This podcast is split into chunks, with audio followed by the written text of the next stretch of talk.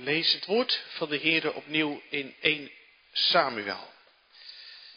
Vanmorgen hoofdstuk 30 in de eerste 19 versen.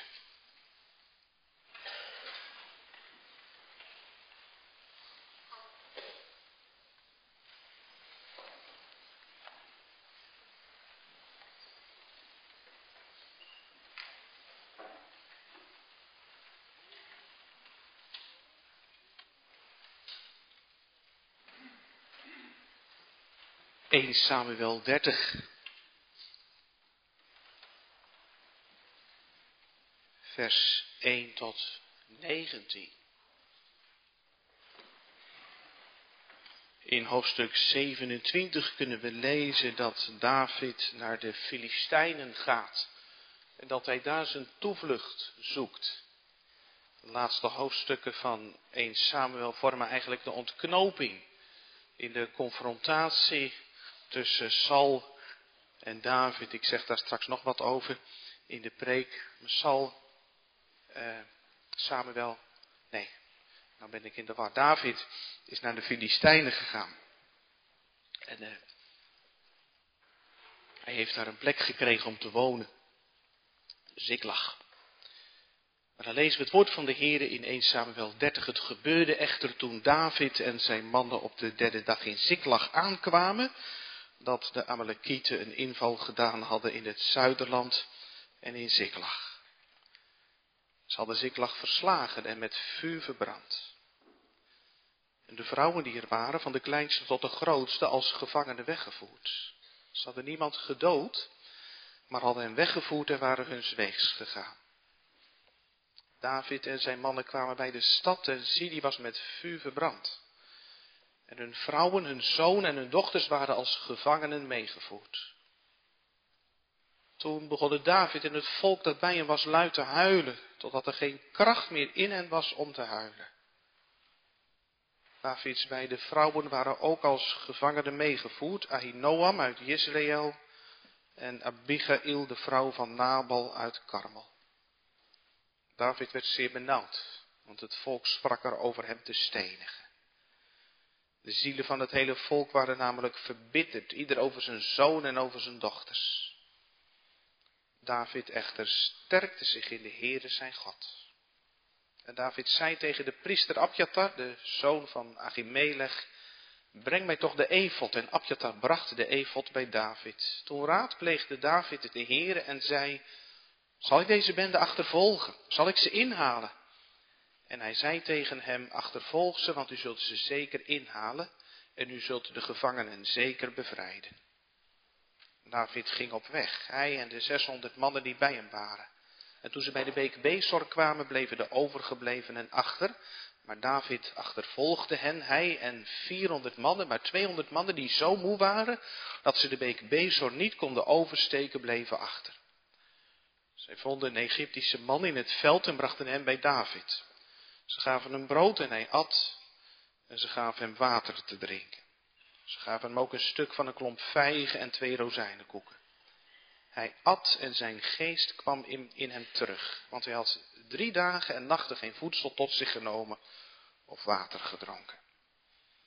Daarna zei David tegen hem, van wie bent u waar komt u vandaan? Toen zei de Egyptische jongen, ik ben de slaaf van een Amalekitische man, maar mijn heer heeft mij achtergelaten omdat ik drie dagen geleden ziek geworden ben. We hadden een inval gedaan in het zuiderland van de Geretieten, dat aan Juda toebehoort, en in het zuiderland van Caleb, en we hebben Ziklag met vuur verbrand. Toen zei David tegen hem, kun je mij naar deze bende brengen? Hij zei, zweer mij bij God dat u mij niet zult doden en dat u mij niet zult overleveren in de hand van mijn Heer. Dan zal ik u naar deze bende brengen. En hij bracht hem erheen en zie, ze lagen verspreid over het hele gebied, etend, drinkend en feestvierend vanwege heel de grote buit die ze meegenomen hadden uit het land van de Filistijnen en uit het land van Juda. David sloeg op hen in van de schemering tot aan de avond van de volgende dag. Er ontkwam niemand van hen behalve 400 jonge mannen die op kamelen reden en ontvluchtten. Zo bevrijdde David alles wat de Amalekieten meegenomen hadden. Ook bevrijdde David zijn twee vrouwen. Niemand van hen ontbrak, van de kleinste tot de grootste, tot de zonen en dochters toe en niets van de buit, ja niets van alles wat zij voor zich meegenomen hadden. David bracht het allemaal terug. Dat is het woord van de Heere voor deze morgen. Kerntekst voor de prediking vindt u aan het slot van vers 6, 1 Samuel 30 vers 6. Het slot, daar klinkt het woord van de Heere. David echter sterkte zich in de Heere zijn God. Jongens en meisjes, ben jij wel eens heel bang?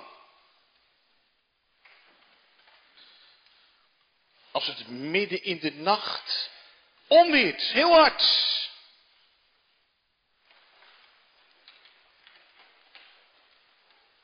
Ik vroeg er wel. En wie roep je dan? Mama! Of misschien dat je wel uit bed springt en naar je moeder toe gaat.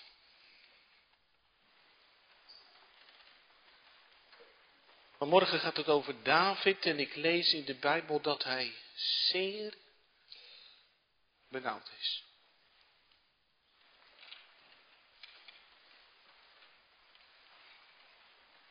En we gaan ontdekken, het is eigenlijk nog zijn eigen schuld ook. Naar wie gaat hij toe? Naar de Heere, zijn God. We gaan er naar luisteren met elkaar. Thema voor de preek, Heere, ik kom tot u. En dan drie dingen. Eerst een doodlopende weg. Dan de weg omhoog. En dan een nieuwe weg. Heer, ik kom tot u. Een doodlopende weg, de weg omhoog en een nieuwe weg. Ik zei dat net al eventjes bij de schriftlezing, 1 Samuel 27 uh, tot en met 2 Samuel hoofdstuk 1. Dat is eigenlijk een, uh, een, een, eenheid.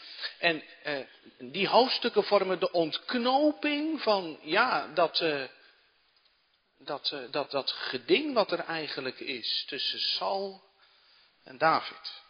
Wie is de koning zoals de Heer het heeft bedoeld?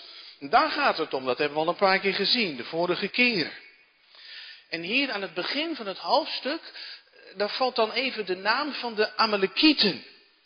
En, nou ja, u bent, uh, u bent uh, goed genoeg thuis in de Bijbel. Als je die naam hoort, dan weet je genoeg, dat is eigenlijk een beetje de verpersoonlijking van het kwaad. Want de Amalekieten, dat was dat, uh, dat volk wat tijdens de woestijnreis Israël in de rug had aangevallen. Waar de vrouwen en de kinderen lopen, heel gemeen. Heel gemeen. Dat zijn geen ridders. Die zeggen, zullen we eens een krachtmeting doen, maar dat zijn gemene mensen. En hun mentaliteit proef je ook een beetje in vers 13, want er is een Amalekiet en die heeft een Egyptische slaaf, die is ziek geworden. En die is gewoon daar ergens uh, in de woestenij achtergelaten. Zoek het maar uit, kan mij het schelen, slaaf meer of minder. Hij heeft niet eens eten en drinken bij zich. Amalekieten zijn de terroristen. En de Heer had gezegd, na die aanval van de Amalek in de woestijn, ik zal de herinnering aan Amalek van onder de hemel geheel uitwissen. En, en Saul moest dat eigenlijk gaan uitvoeren, maar dat heeft Saul niet gedaan. En dat is ook het moment dat het koningschap van hem afgenomen wordt. Hij is ongehoorzaam geweest. Hij, doet, hij, doet, hij, hij gehoorzaamt wel, maar hij gehoorzaamt een beetje. We hebben het toen al over gehad. Een beetje gehoorzamen, ja, dat is gewoon ongehoorzaam. Saul zegt, ja, maar ik heb toch gedaan wat u zei. Ik heb toch uh, heel veel Amalekieten uh, uitgeroeid. En, en heel veel vee ook. Ik heb alleen het beste vee meegenomen en ook de koning. Maar dat was niet de opdracht van de Heer. Saul is eigenlijk alleen maar druk met zijn troon. En met zijn beeld, beeldvorming, daar werkt hij aan. David, die blijkt meer en meer in die hoofdstukken de man naar Gods hart te zijn. Hij is verontwaardigd over die vloekende Filistijn. Wat denkt hij wel niet? Dat hij de God van Israël denkt te kunnen honen. En in dit hoofdstuk gaat hij de Amalekieten een geweldige slag toebrengen.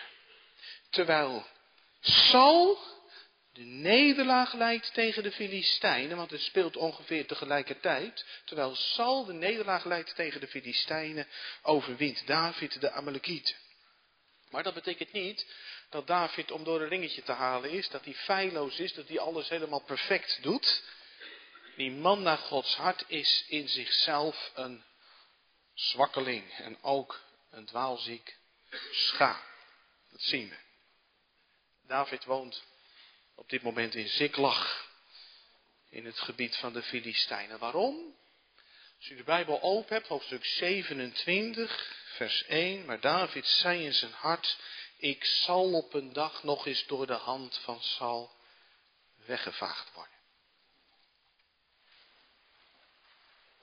De Heer heeft heel wat wonderlijke uitreddingen gegeven in het leven van David. Maar David zegt ja, de Heer heeft me nou 84 keer uit de hand van Saul gered. Wie zegt dat hij het de 85ste keer ook doet? Dat risico, dat kan ik niet nemen. Laat ik slim zijn en dan gaat David naar Agis, de koning van Gad. En het werkt, want Saul staakt de jacht op David. En dan vraagt David, waar kan ik wonen? Heb u niet ergens een plekje waar ik eh, met mijn mannen kan wonen? David wil eigenlijk niet zo op zijn vingers gekeken worden. En dan krijgt hij Ziklag. En vanuit Ziklag dan voert eh, David strooptochten uit met zijn mannen. Strooptochten onder de Gesurieten, de Girzieten en de Amalekieten. Maar tegen koning Agis zegt David, ik heb eh, de steden van Juda aangevallen. En Agis, die vertrouwt David volkomen. En gelooft wat David zegt. Maar dan komt er een lastige situatie voor David, want de vijf stadsvorsten van de Filistijnen, die verzamelen zich bij Afek om Israël een beslissende nederlaag te gaan toebrengen. En dan zegt Agis tegen David, want David strijdt onder de vlag van Agis, je moet wel mee. Je moet nog wel mee. En dan vormen David en zijn mannen de achterhoede van het leger van Agis. Dat is dus echt een lastig pakket. Want wat moet David? Moet hij nu gaan vechten tegen zijn volksgenoten, tegen de Israëlieten? Nou, als hij dat niet doet, dan valt hij door de mand bij koning Agis dan is hij natuurlijk zijn schuilplaats kwijt. Dan wordt hij misschien wel door koning Agis gedood. Maar dan komt er een heel bijzondere oplossing, want die andere stadsvorsten die zegt de Agis, wie heb jij nou bij je? We willen geen Hebreeërs in het leger. En dan zegt Agis tegen David, ja, het spijt me David, je bent als een engel van God, zo zegt hij het.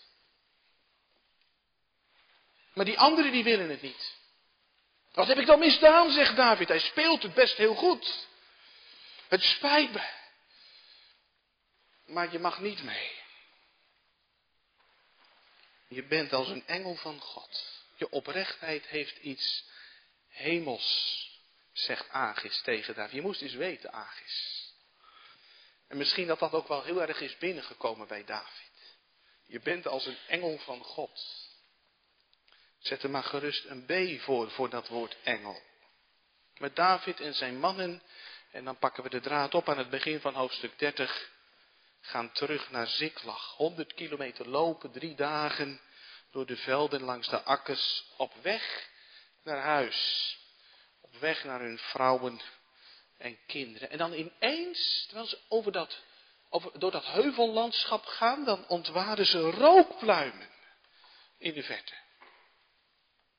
En dan rijst er een bang vermoeden en hoe dichterbij ze komen, hoe duidelijker het wordt. Het is niet maar één rookpluim, maar er is daar een rokende vlakte.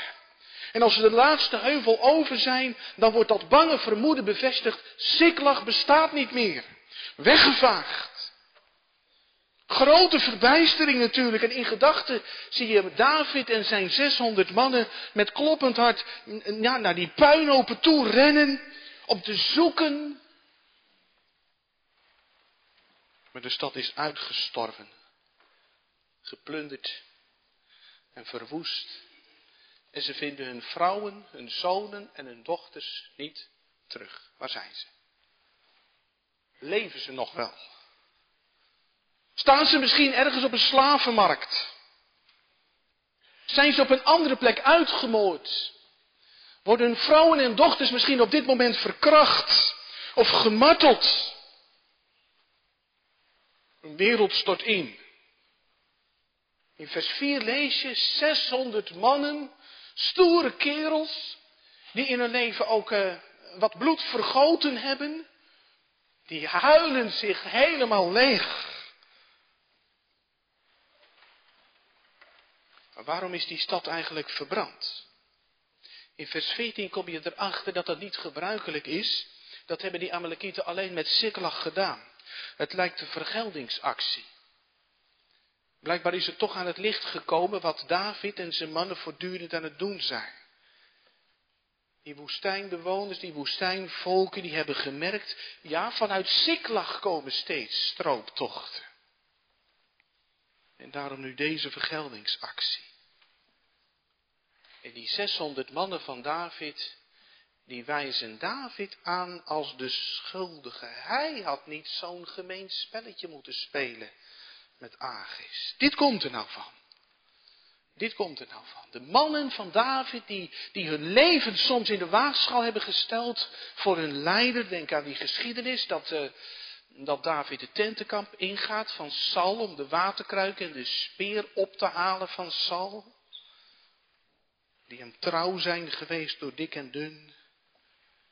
Uit verbittering en uit woede zoeken ze een zondebok.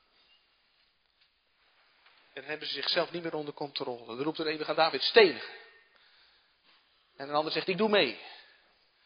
En de volgende heeft al stenen opgeraakt. En dan staat er in vers 6, David werd zeer benauwd. Crisis.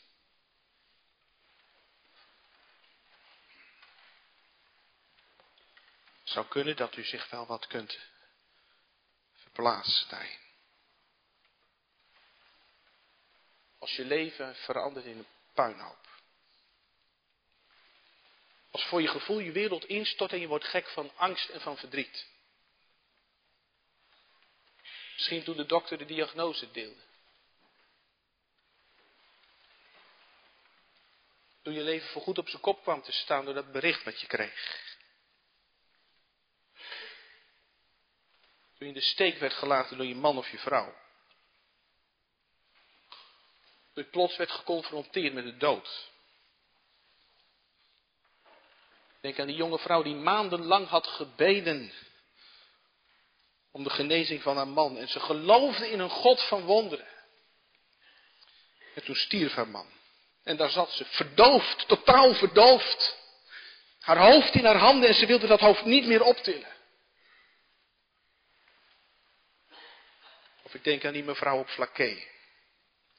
Die vertelde over de ramp in 1953. Als klein meisje midden in de nacht. Naar de zolder, het dak op. Broertjes en zusjes op een vlot. In een poging om zich in veiligheid te brengen. Ze kwam uit een gezin van zeven. En ze bleef als enige achter. En 60 jaar later zat ze hard op te huilen. Toen ze vertelde dat ze haar broertjes en zusjes voor haar oog had zien verdrinken. David werd zeer benauwd. Gemeente, weet u wat u het nog aangrijpender maakt, wat hier staat? En ik heb dat al wat aangetipt. David heeft dit uiteindelijk aan zichzelf te wijten. Hij heeft niet op de Heer vertrouwd. Als hij met Goliath gaat vechten, eigenlijk is hij geen partij voor een reus, dan zegt hij ja, de Heer die mij heeft geholpen om uh, een leeuw en een beer te doden, die helpt mij ook nu.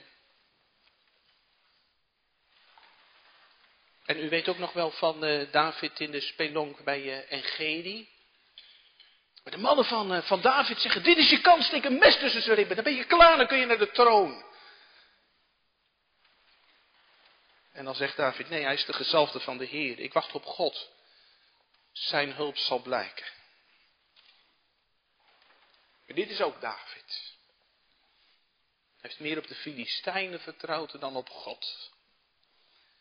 Hij zoekt rust bij de vijand. Hij vraagt niet aan God, Heere, waar moet ik heen, wat moet ik doen? Hoofdstuk 27, vers 1 begint met die woorden, David zei in zijn hart. David zei bij zichzelf. En dan is het opvallend, in, uh, in die hoofdstukken die volgen, dan komt de naam van de Heere niet meer over de lippen van David. Hij vertrouwt op zijn eigen sluwheid en hij liegt alles aan elkaar vast. En nu leert hij een les. Deze les, wie God verlaat, heeft smart op smart te vrezen.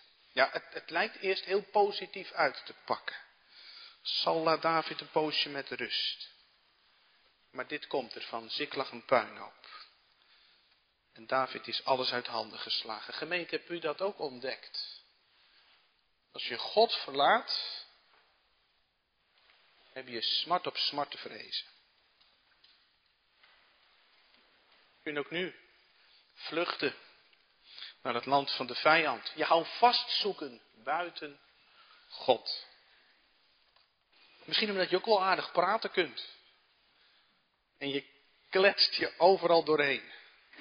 En het lijkt ook nog redelijk te lukken. Of je vertrouwt op je goede gezondheid, op je sterke lichaam. Of je vertrouwt op je bezit, je inkomen. Of je zoekt jou vast in de drank, in de porno, in je werk. Niet nadenken. Pluk de dag. Of je hou vastzoeken buiten God, dat kan ook op een vrome manier. Dat je hou vastzoekt in de godsdienst. Zoals Paulus het deed. Voor zijn bekering. Wat was die vroom? Deed hij het allemaal goed? Wat klopte het in zijn leven? Als je je toevlucht zoekt buiten God, dan wordt het vroeg of laat een puinhoop. U kent wel die uitdrukking, een doodcent heeft geen zakken. Je kunt niks meenemen van alles wat je vergaart in je leven.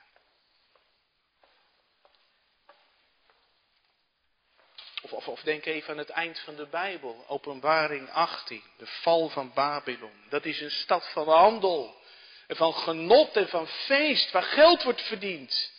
Waar het leven één groot feest is. Maar die stad die valt. En dan staat er in één uur is die rijkdom verwoest. Want er is maar één houvast in leven en sterven. Dat ik van Jezus ben. Dat is het enige wat het houdt. David ziet hier dus heel nadrukkelijk op een doodlopende weg.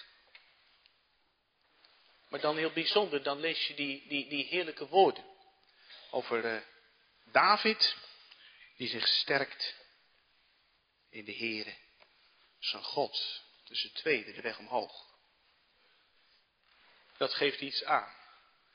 Blijkbaar is er de levende relatie tussen de Here en David. Moet je even voorstellen dat David daar zit de puinhopen van Ziklag, smeulende hopen. En dan om je heen 600 mannen die lions zijn en die stenen oppakken. Waar blijf je dan? In gedachten zie ik David neerknielen. In ootmoed. O God, ik dacht dat ik slim was. Ik heb het verknoeid. Ik heb gedaan wat kwaad was in uw ogen en in vertrouwen. Heer, als ik hier gedood word door mijn mannen, wat komt er dan van uw beloften terecht over dat eeuwige koningschap? Gedenk aan het woord gesproken tot uw knecht. Die dubbelheid, ootmoed en vertrouwen. David sterkte zich in de Heere zijn God. Het is mooi dat het er zo staat. Opvallend ook. Want je zou gerust de vraag kunnen stellen, is de Heer eigenlijk nog wel Davids God. En misschien vraagt u zich dat ook wel eens af. Mijn God? Ja, ik ben wel gedoopt, maar als ik naar mijn leven kijk, of misschien ooit beleidenis gedaan, maar gestruikeld. En Gods hart brandt van barmhartigheid. En jouw hart brandt zo vaak van onverschilligheid.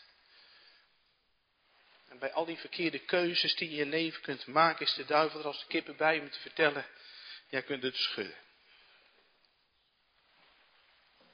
Wat moet ik doen dan? De gemeente David doet het ons voor. Hij knielt neer in ootmoed. En hij gaat hangen aan het woord van God.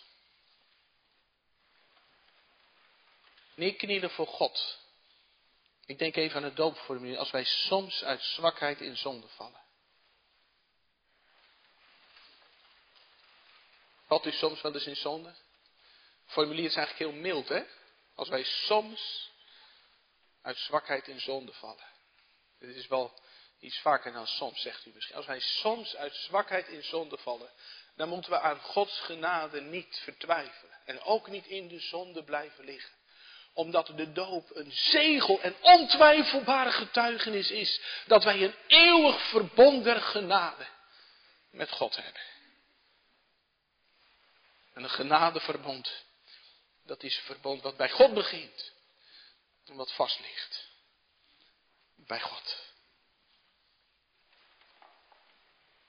Nikli in ootmoed. Teruggaan naar God. Nee, het is niet automatisch. Het is niet automatisch. Stel je voor, je vader heeft beloofd uh, aan, het eind van het schooljaar, dan, uh, dan, uh, dan gaan we een ijsje eten neem ik je mee. Maar die laatste week eigenlijk alles wat mis kan gaan, gaat mis. En een paar keer te laat thuis en zo. Een brutale mond, stiekem geweest. En dan denk je, ja dat ijsje dat gaat vast niet door. En mijn vader heeft nog gelijk ook. Als ik hem op mijn buik ga schrijven. Ootmoed, die houding. Een beetje die houding van die verloren zoon uit de gelijkenis. Hoe komt die jongen thuis? Met zijn hand op zijn rug. Pa, ben ik weer. U snapt vast ook wel dat ik het even niet meer zag zitten thuis. En ik hoop dat het weer uh, wordt zoals het was. Waar kan ik slapen? Zo komt hij niet. Hij heeft alles verspeeld. En daarom komt hij in ootmoed thuis. Vader, ik heb gezondigd. Maar hoor dat goed, hè? hij zegt wel vader. Een beroep op de relatie. Vader, ik heb gezondigd. Neerknielen. In ootmoed en in vertrouwen. David sterkte zich in de Heere zijn God. Hij gaat hangen aan God. De belofte van de Heer is als een kind aan het klimrek gaat hangen. Ja, misschien ook wel eens aan het klimrek. Denk je nou nooit eens van, ja, ik kan daar wel aan gaan hangen, maar houdt hij het wel? Nee, je gaat er aan hangen, en daar is dat klimrek een klimrek voor.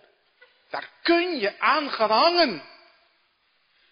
Nou, zo is het met de belofte van de Heer. Geloven is gaan hangen aan de belofte van God met eerbied gezegd. Daar kun je aan gaan hangen, want daar is God. God voor. Mijn zonden zijn veel. Maar het bloed van Jezus Christus, Gods Zoon, reinigt ons van alle zonden. Mijn geloof is zwak. Maar u hebt gezegd, Heer Jezus, ik heb voor je gebeden. Dat je geloof niet zou ophouden. Mijn mogelijkheden zijn beperkt. Maar heren, ik lees in uw woord dat u bij machten bent om meer dan overvloedig te doen boven alles wat wij bidden of denken. Mijn leven is zo matig. Maar u zegt, o heiland, blijf in mij en ik in u. Wie in mij blijft en ik in hem, die draagt veel vrucht, want zonder mij kunt u niets doen. Heer, mijn kruis voelt zo zwaar. Maar u zegt, mijn genade is voor u genoeg. Als je sterken in de Heer. Gaan hangen aan God. Aan de God van het woord en aan het woord van God. Heer, gedenk aan het woord gesproken tot uw knecht, waarop u mij verwachting hebt gegeven.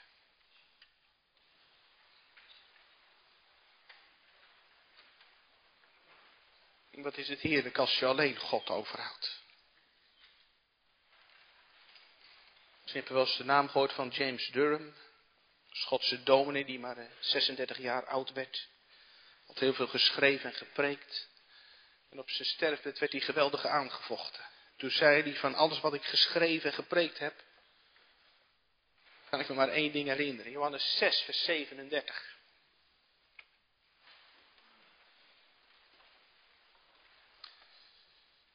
Maar met die tekst kon hij het ook doen. Al wat mij de Vader geeft, zal tot mij komen. En die tot mij komt, zal ik geen zins uitwerpen. Zo stierf hij met dat woord als hou vast. De weg omhoog. Maar dan ook nog een derde, nieuwe weg. Wat je zou kunnen zeggen, het is een soort eh, bekeringsmoment in het leven van David. Want bekeerd worden, dat is niet één keer, maar steeds weer. En dat weet u hopelijk ook. Elke keer weer. Afleren om je eigen weg te gaan. En leren bouwen op de Heer. David wil geen stap meer zonder God zetten. Want hij zegt tegen Abjatar, breng de efot. breng de efot. Abjatar was uh, gevlucht uit Nop, weet u nog? Saul had die hele priesterstad uit laten moorden. 75 mannen en jongens uit het priestergeslacht. En Abjatar was uh, ontkomen en die heeft uh, de wijk genomen bij David. En hij had de efot bij zich. En nou zegt David, breng de efot. Weet je wat de efot is? Dus een soort hesje. Dat hoorde bij het hoge priesterlijk gewaad. Een hesje met de twee delen, borst en rugpand. En daar zat een, eh, een borstlap op. Een, een, een dubbel kniekenzak, zeg maar. Dat is de efot. Borsttas wordt die ook genoemd. En daarin zaten de Urim en de Tumim. Twee stenen, waarschijnlijk met uh, dezelfde vormen met een verschillende kleur. Zeg maar even een zwarte en een wit. Als je dan de Heer om raad wilde vragen, dan kon je naar de priester gaan. En dan stelde je een vraag, zoals David hier ook doet. Moet ik die bende achtervolgen? Steentje uit die tas? Ja. En zal ik ze inhalen? Weer een steentje eruit? Ja. En zo wijst de Heer de weg. En dan merk je dus de verandering in het leven van David. Hij naar God gaat, naar koning Agis, dan maakt hij zijn eigen plannen. David zei in zijn hart. En ja, dat is natuurlijk wel mooi als de Heer het zegen, maar het plan ligt al klaar. Nu vraagt David als het ware, Heere, wat wilt u dat ik doen zal? En de Heer gebruikt daar dus die crisis voor in het leven van David. Het is misschien mooi om te onthouden. Dat de Heer de crisis wel eens inschakelt. Om je weer dichter naar zich toe te halen. Zodat je achteraf zingt, het is goed voor mij. Toch wel. Om verdrukt te zijn geweest. Het was niet leuk voor mij. Het is wel goed voor mij. Om verdrukt te zijn geweest. En als je deze hoofdstukken dan leest, dan merk je een opvallend verschil met koning Saul. Ik zei dat net al, het speelt eigenlijk tegelijkertijd. De nederlaag van Saul tegen de Filistijnen en de overwinning van David over de Amalekieten. In hoofdstuk 28 dan lees je eigenlijk iets vergelijkbaars over Saul. Hij was eh, bevreesd en hij beefde zeer als hij het leger ziet van de Filistijnen. Die vijf koningen met hun legers. En dan wil hij de Heere raadplegen, staat er. En de Heere antwoordt niet. De Heere zwijgt in het leven van Saul. De Heer houdt zijn mond. Waarom? Ja. Sal heeft dat hele priestergeslacht om laten brengen. Hij heeft als het ware de eveld weggejaagd. En Sal heeft zijn besluiten al genomen voordat hij aan God vraagt, wat moet ik doen? En in wanhoop neemt Sal dan de toevlucht tot die heks, die waarzegster in Endor. Die vrouw die de geesten van doden bezweert. En je zou kunnen zeggen, daarmee neemt Sal de uitgang uit het geloof in de God van Israël. Hij wenst zich tot een magie. Wordt op meer dan één plek in de Torah en bij de profeten tegen gewaarschuwd. Blijkbaar is dat voortdurend een verleiding geweest en nog steeds. Formules reciteren, de juiste rituelen uitvoeren, om dan zo de machten en de krachten te bespelen, zodat je ze kunt zetten naar je eigen hand.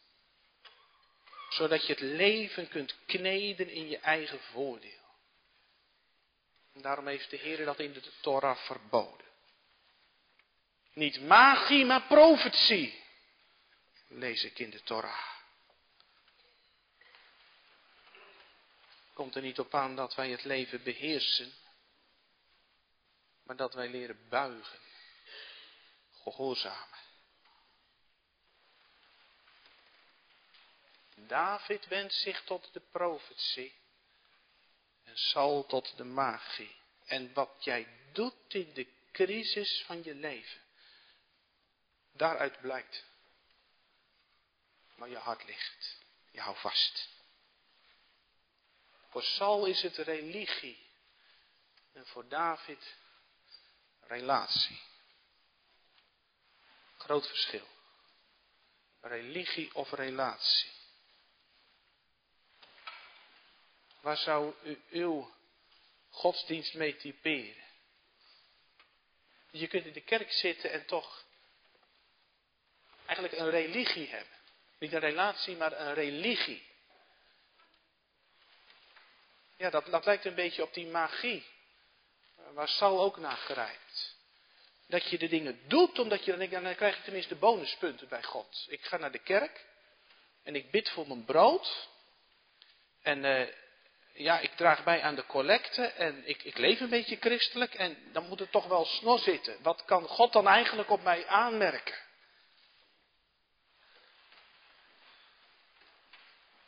Dan ben je eigenlijk God aan het manipuleren. Dan zeg je, Heer, als ik nou dit en dat en dat en dat doe, wilt u dan dat en dat en dat doen? Soort ruilhandel. Dat is wat anders dan een relatie. Een relatie, dan verlang je ernaar om tot eer van de Heer te leven. Omdat je hem lief hebt. Ben je bij hem lief, omdat hij ons eerst heeft lief gehad. ja, dan is zij als een vader voor je die je ook wel eens kastijdt. Want de Heer kastijdt wie hij lief heeft. Zoals ook in het leven van David. Dat David niet meer op zijn plek is.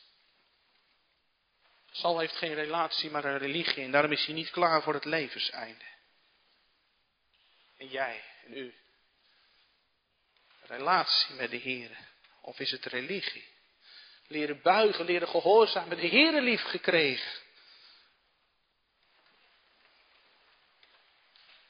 Misschien zeg je wel, had ik ook maar zo'n Abjatar, zo, zo'n Evot.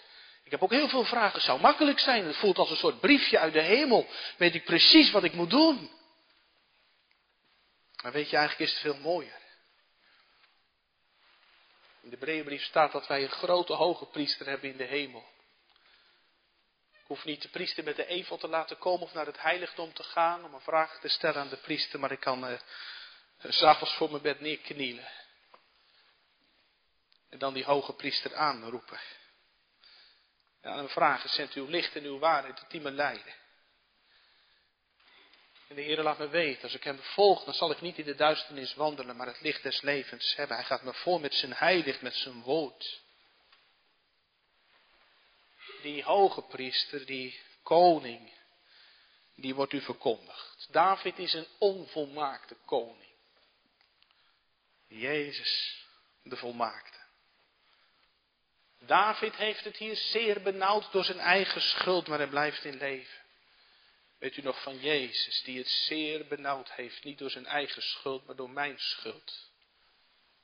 En die niet in leven blijft, maar de dood van het kruis sterft. Weet is zij uw koning, uw hoge priester, uw profeet. Je hebt wel eens de naam van dominee Jack van Dijk gehoord. Die zat dus in een live uitzending van de EO voor de radio. En uh, toen werd aan hem de vraag gesteld, wat betekent Christus voor u? Maar graag heel kort, want het is bijna vier uur. Toen zei dominee Jack van Dijk, alles. Dank u wel, dominee, korter kan het niet. Als u het in één woord zou moeten zeggen, wie is Jezus voor u? Zou het ook zo zeggen, alles. U bent mijn schuilplaats, heren. U bent mijn priester, mijn profeet, mijn koning. Dan wil je achter hem aan, een nieuwe weg.